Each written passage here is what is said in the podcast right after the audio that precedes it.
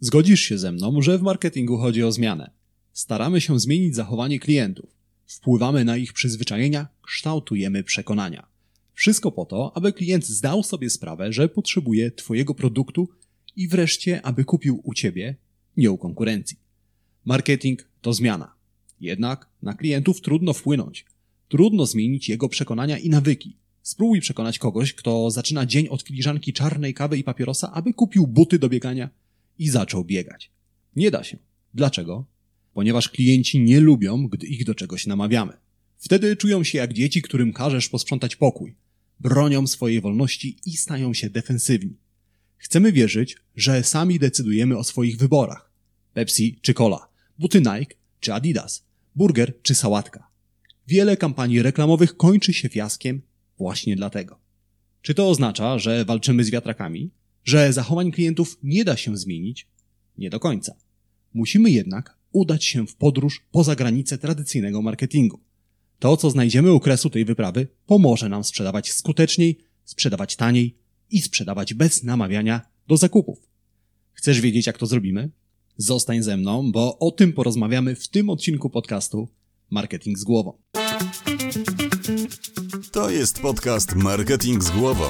Źródło wiedzy dla przedsiębiorców, handlowców i marketerów, czyli dla osób, które chcą sprzedawać lepiej i chcą sprzedawać więcej. Zaprasza Łukasz Chodorowicz. Zanim zaczniemy, pamiętaj, że więcej informacji o tym, jak zrozumieć klienta, jak robić lepszy marketing i jak więcej sprzedawać, znajdziesz w moich newsletterach. Tak, są dwa. Jeden darmowy, drugi płatny. Linki do obu znajdziesz w opisie tego odcinka podcastu. Zerknij, poczytaj i dołącz do tysięcy przedsiębiorców, marketerów i handlowców, którzy co tydzień dostają zastrzyk wiedzy, dzięki której ich firmy rosną jak na drożdżach.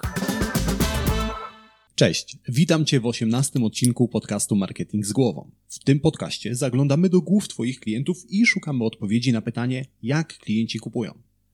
Czyli dlaczego jedni kupują kole, a inni Pepsi, dlaczego jesteśmy gotowi zapłacić za kawę w Starbucksie 20 zł, gdy tą samą kawę za rogiem możemy kupić za 7 zł. Po co to robimy? Oczywiście, aby pomóc Ci robić lepszy marketing i abyś sprzedawał więcej produktów i usług. Ja nazywam się Łukasz Chodorowicz i na co dzień pomagam firmom takim jak Twoja stać się firmami wyjątkowymi, tworząc skuteczny marketing. Wiedzę, którą dzielę się z Tobą, czerpię z badań na temat ekonomii behawioralnej, neuropsychologii oraz dziesięcioletniego doświadczenia w pracy z firmami takimi jak Twoja. Dziś zastanowimy się, jak wpłynąć na decyzje klientów. Ustaliliśmy, że ludzie nie lubią, gdy ich do czegokolwiek namawiamy. A skoro tak, to musimy użyć innej strategii. Takiej, która przekona klientów, że kupując Twój produkt, dokonali własnego wyboru. Obiecuję, że opowiem Ci, jak to zrobić, jednak najpierw porozmawiajmy o tradycyjnym podejściu do marketingu. Marketerzy starają się zmotywować nas do zakupu. Robią to przywiązując produkty do istniejących potrzeb. Chcesz mieć czyste mieszkanie? Kup odkurzacz. Lub próbują wykreować potrzeby. Masz za mało czasu dla siebie?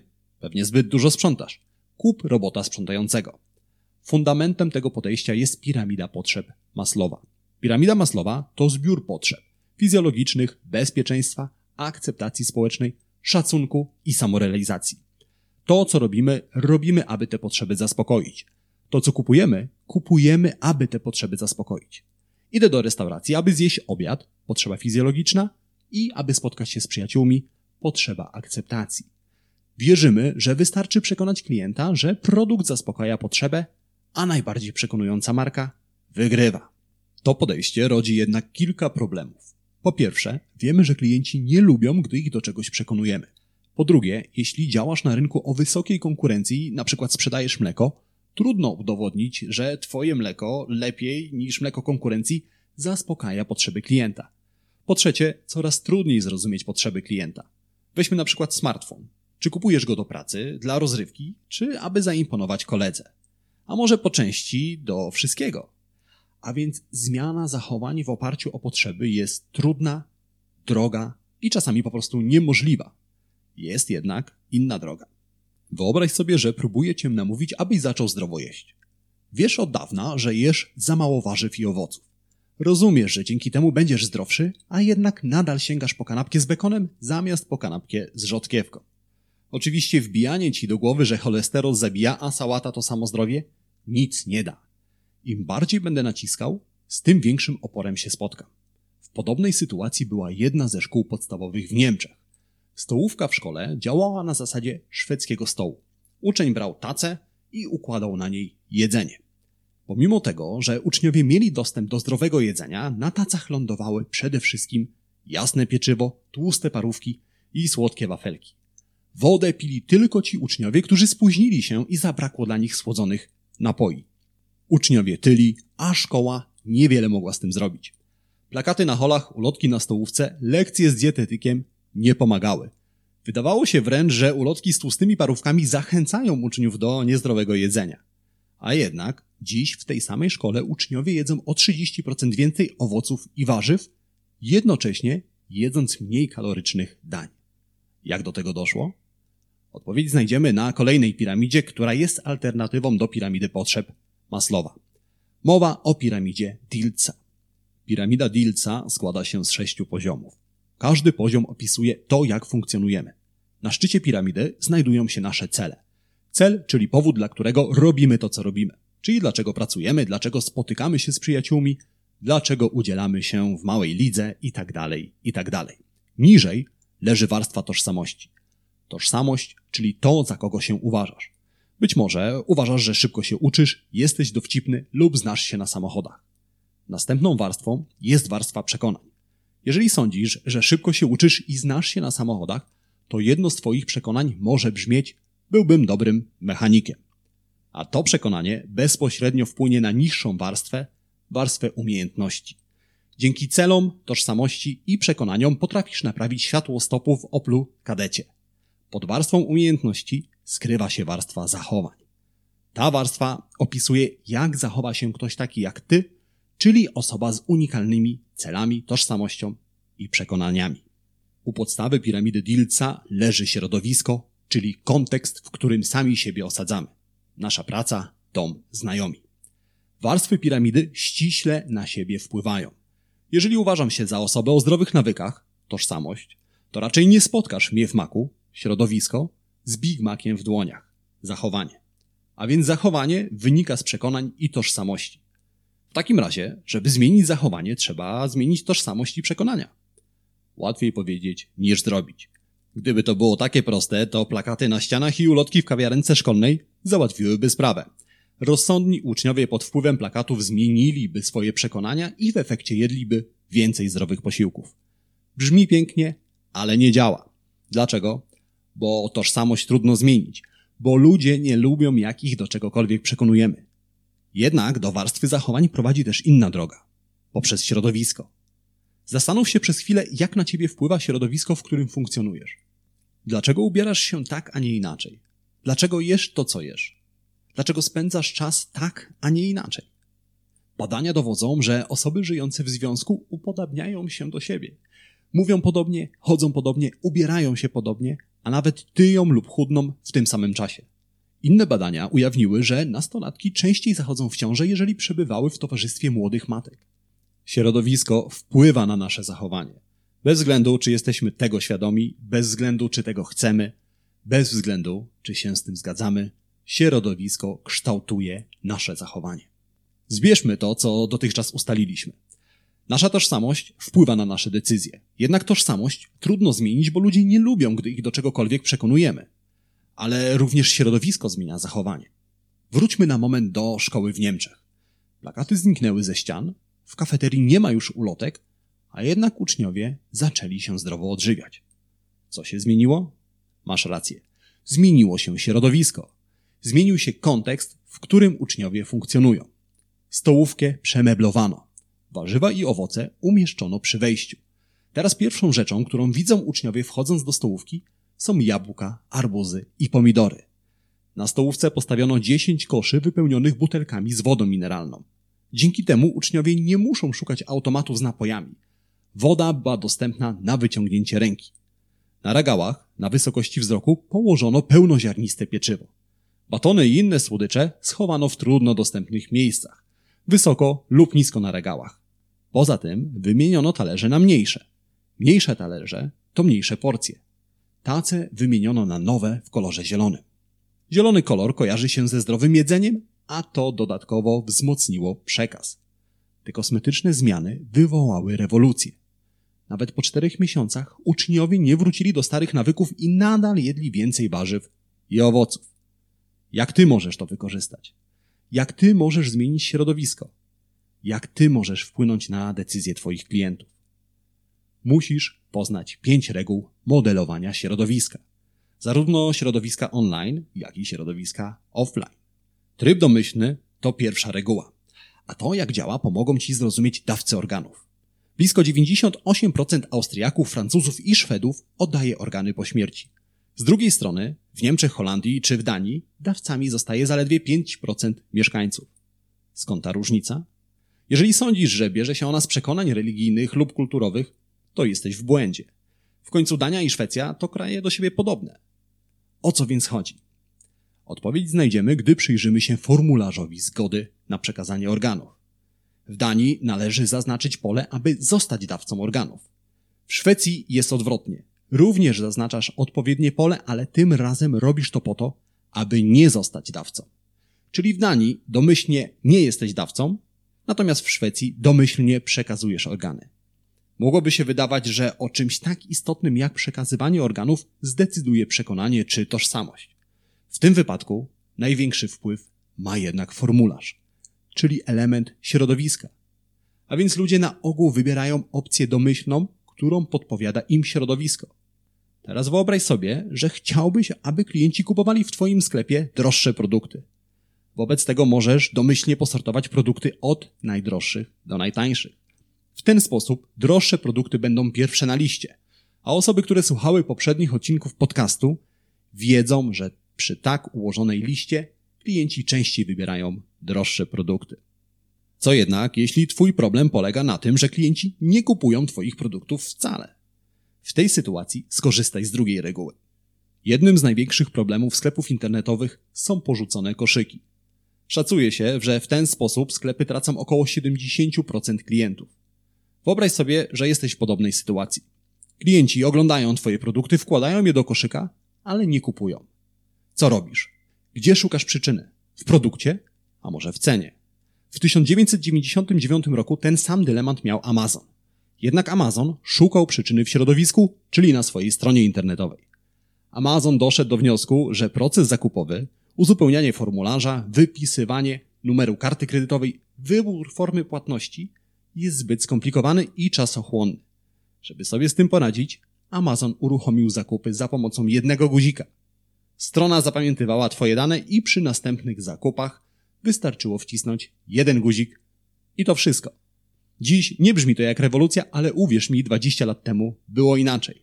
Do tego stopnia, że Amazon opatentował zakup przy pomocy jednego guzika. Wartość patentu wycenia się na 2,5 biliarda dolarów rocznie. To, co zrobił Amazon, to uproszczenie środowiska.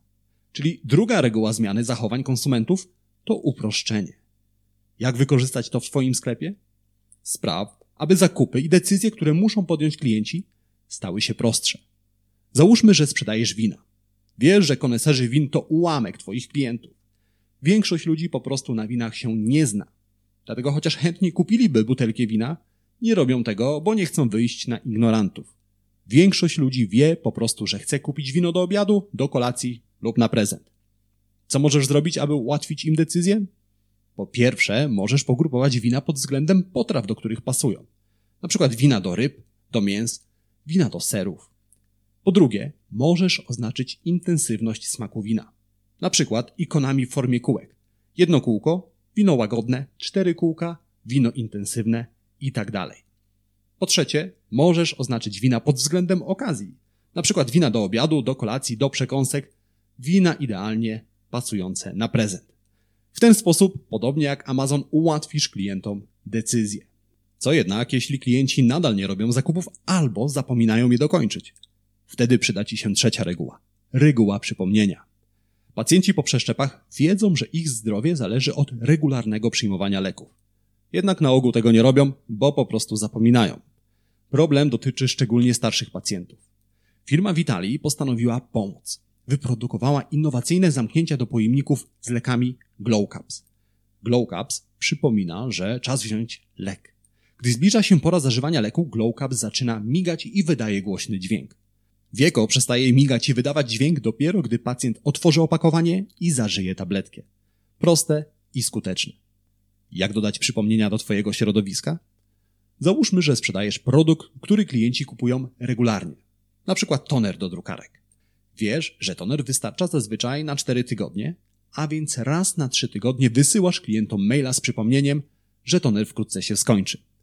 Podobnie robisz z klientami, którzy dodają produkty do koszyka, ale ostatecznie ich nie kupują. Im również wysyłasz maila z przypomnieniem: Hej, masz w koszyku produkty, których jeszcze nie kupiłeś. A co jeśli prowadzisz sklep tradycyjny i nie możesz wysyłać przypomnienia mailem? W tej sytuacji sprawdzą się tabliczki z informacjami w stylu nie zapomnij kupić mleka lub kup skarpetki, bo na pewno masz ich mało. Zdziwisz się, jak tak proste przypomnienia mogą poprawić Twoją sprzedaż. Załóżmy jednak przez chwilę, że Twój problem jest całkowicie inny. Załóżmy, że prowadzisz gabinet kosmetyczny i klienci umawiają się na wizyty, ale w umówionym dniu nie przychodzą. W ten sposób blokują miejsce innym klientom i narażają cię na straty. W podobnej sytuacji była jedna z klinik w USA, która szczepiła pacjentów przeciwko grypie. Aż 70% pacjentów nie przychodziło na umówione wcześniej wizyty. Lekarze zastanawiali się, jak sobie z tym poradzić. Najpierw zaczęli wysyłać SMS-y o treści Pamiętaj, za trzy dni masz umówioną wizytę. Ale taki SMS niewiele zmienił. Nadal wiele osób nie przychodziło na wizyty. Wtedy lekarze spróbowali pomajstrować przy treści SMS-ów. Zmienili wiadomość na za trzy dni masz umówioną wizytę, jeśli się nie pojawisz, ktoś inny mógłby zająć twoje miejsce. Tym razem więcej osób zareagowało na wiadomość, ale lekarze wiedzieli, że można zrobić więcej. Wtedy postanowili zmienić coś w środowisku. Gdy umawiasz się na wizytę, lekarz wypisuje ci karteczkę z datą i godziną wizyty. Karteczkę chowasz do kieszeni i o niej zapominasz. Lekarze w klinice odwrócili sytuację. Kazali pacjentom napisać datę wizyty na karteczce i na końcu się podpisać. Tym razem się udało. Pacjenci zaczęli pojawiać się na umówionych wizytach tylko dlatego, że wcześniej sami zadeklarowali, że przyjdą. Czwarta reguła nazywa się regułą konsekwencji. Benjamin Franklin miał wielu przyjaciół, ale miał również wrogów. Pewnego dnia poprosił jednego z wrogów, aby ten pożyczył mu książkę. Mężczyzna zgodził się, a po jakimś czasie został przyjacielem Franklina. Jak to możliwe? Chcemy uważać się za osoby konsekwentne. Dlatego gdy mężczyzna wyświadczył Franklinowi przysługę, uznał, że jednak darzy Franklina pewną sympatią, a przynajmniej go nie nienawidzi. A skoro tak, to równie dobrze może zostać jego przyjacielem. Jeden gest może zmienić wiele. Dlatego jeżeli tylko masz taką możliwość, daj klientom okazję do gestów deklaracji. Niech klienci sami zadeklarują, że przyjdą na umówioną wizytę lub kupią Twój produkt. Ostatnią regułę zmiany zachowań pomoże mi wytłumaczyć pewien eksperyment społeczny. Ten eksperyment pomógł obniżyć rachunki za prąd. Mieszkańcy pewnego osiedla zużywali zbyt dużo prądu. Korzystali z klimatyzacji nawet gdy nie było upałów, zapalali światła, chociaż za oknem świeciło słońce. Takie zachowania rodziły problemy. Najbardziej uciążliwym były przerwy w dostawach prądu w całym miasteczku. Pracownicy elektrowni poprosili psychologów o pomoc. Psycholodzy postanowili przetestować trzy różne strategie. Elektrownia każdego miesiąca wysyłała klientom rachunki za prąd. Psycholodzy postanowili zmienić treść rachunków. W pierwszym miesiącu naukowcy dołączyli komunikat oszczędzaj prąd, w ten sposób ratujesz środowisko. Jednak to niewiele zmieniło. Okazało się, że ludziom raczej nie zależy na środowisku. A więc naukowcy do kolejnych rachunków dołączyli inny komunikat. Oszczędzaj prąd, w ten sposób każdego roku wydasz 400 dolarów mniej. Kolejnym miesiącu ludzie zaczęli częściej gasić światła i zużycie prądu spadło. Jednak przerwy w dostawach prądu nadal się pojawiały. Dlatego w kolejnym miesiącu psycholodzy spróbowali innego podejścia. Do rachunków dołożyli komunikat: Twoi sąsiedzi zużywają o 30% prądu mniej niż ty. I co się stało? Zużycie energii spadło trzykrotnie w porównaniu z poprzednimi komunikatami. Okazało się, że nic tak nie motywuje do zmiany jak wpływ innych ludzi. Dlatego ostatnia reguła nazywa się regułą społeczną. Jeżeli chcesz ją wykorzystać w swoim środowisku, musisz pokazać swoim klientom, jak wybierają inni ludzie. Łatwo to wdrożyć w sklepie internetowym. Wystarczy, że pokażesz, który produkt budzi największe zainteresowanie.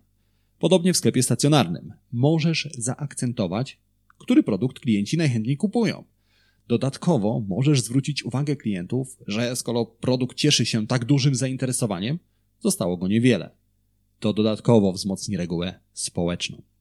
Wyposażony w te narzędzia możesz wprowadzić niewielkie zmiany w środowisku, które wpłyną na Twoich klientów.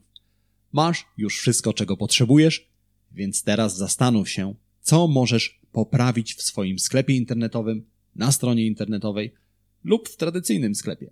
Do dzieła. Ale zanim zaczniesz, trzy najważniejsze rzeczy do zapamiętania. Po pierwsze, pamiętaj, że naturę człowieka trudno zmienić. Gdy próbujesz ludzi do czegokolwiek namówić, trafisz na opór.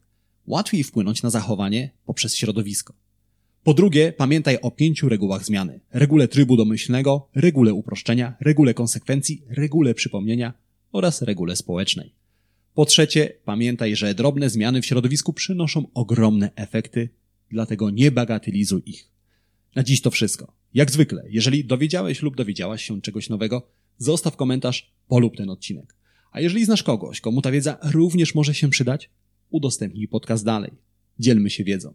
My, jak zwykle, słyszymy lub widzimy się za kilka dni w kolejnym odcinku podcastu Marketing z Głową. A tymczasem życzę Ci udanego dnia, udanego tygodnia. Wszystkiego dobrego. Do zobaczenia. Cześć.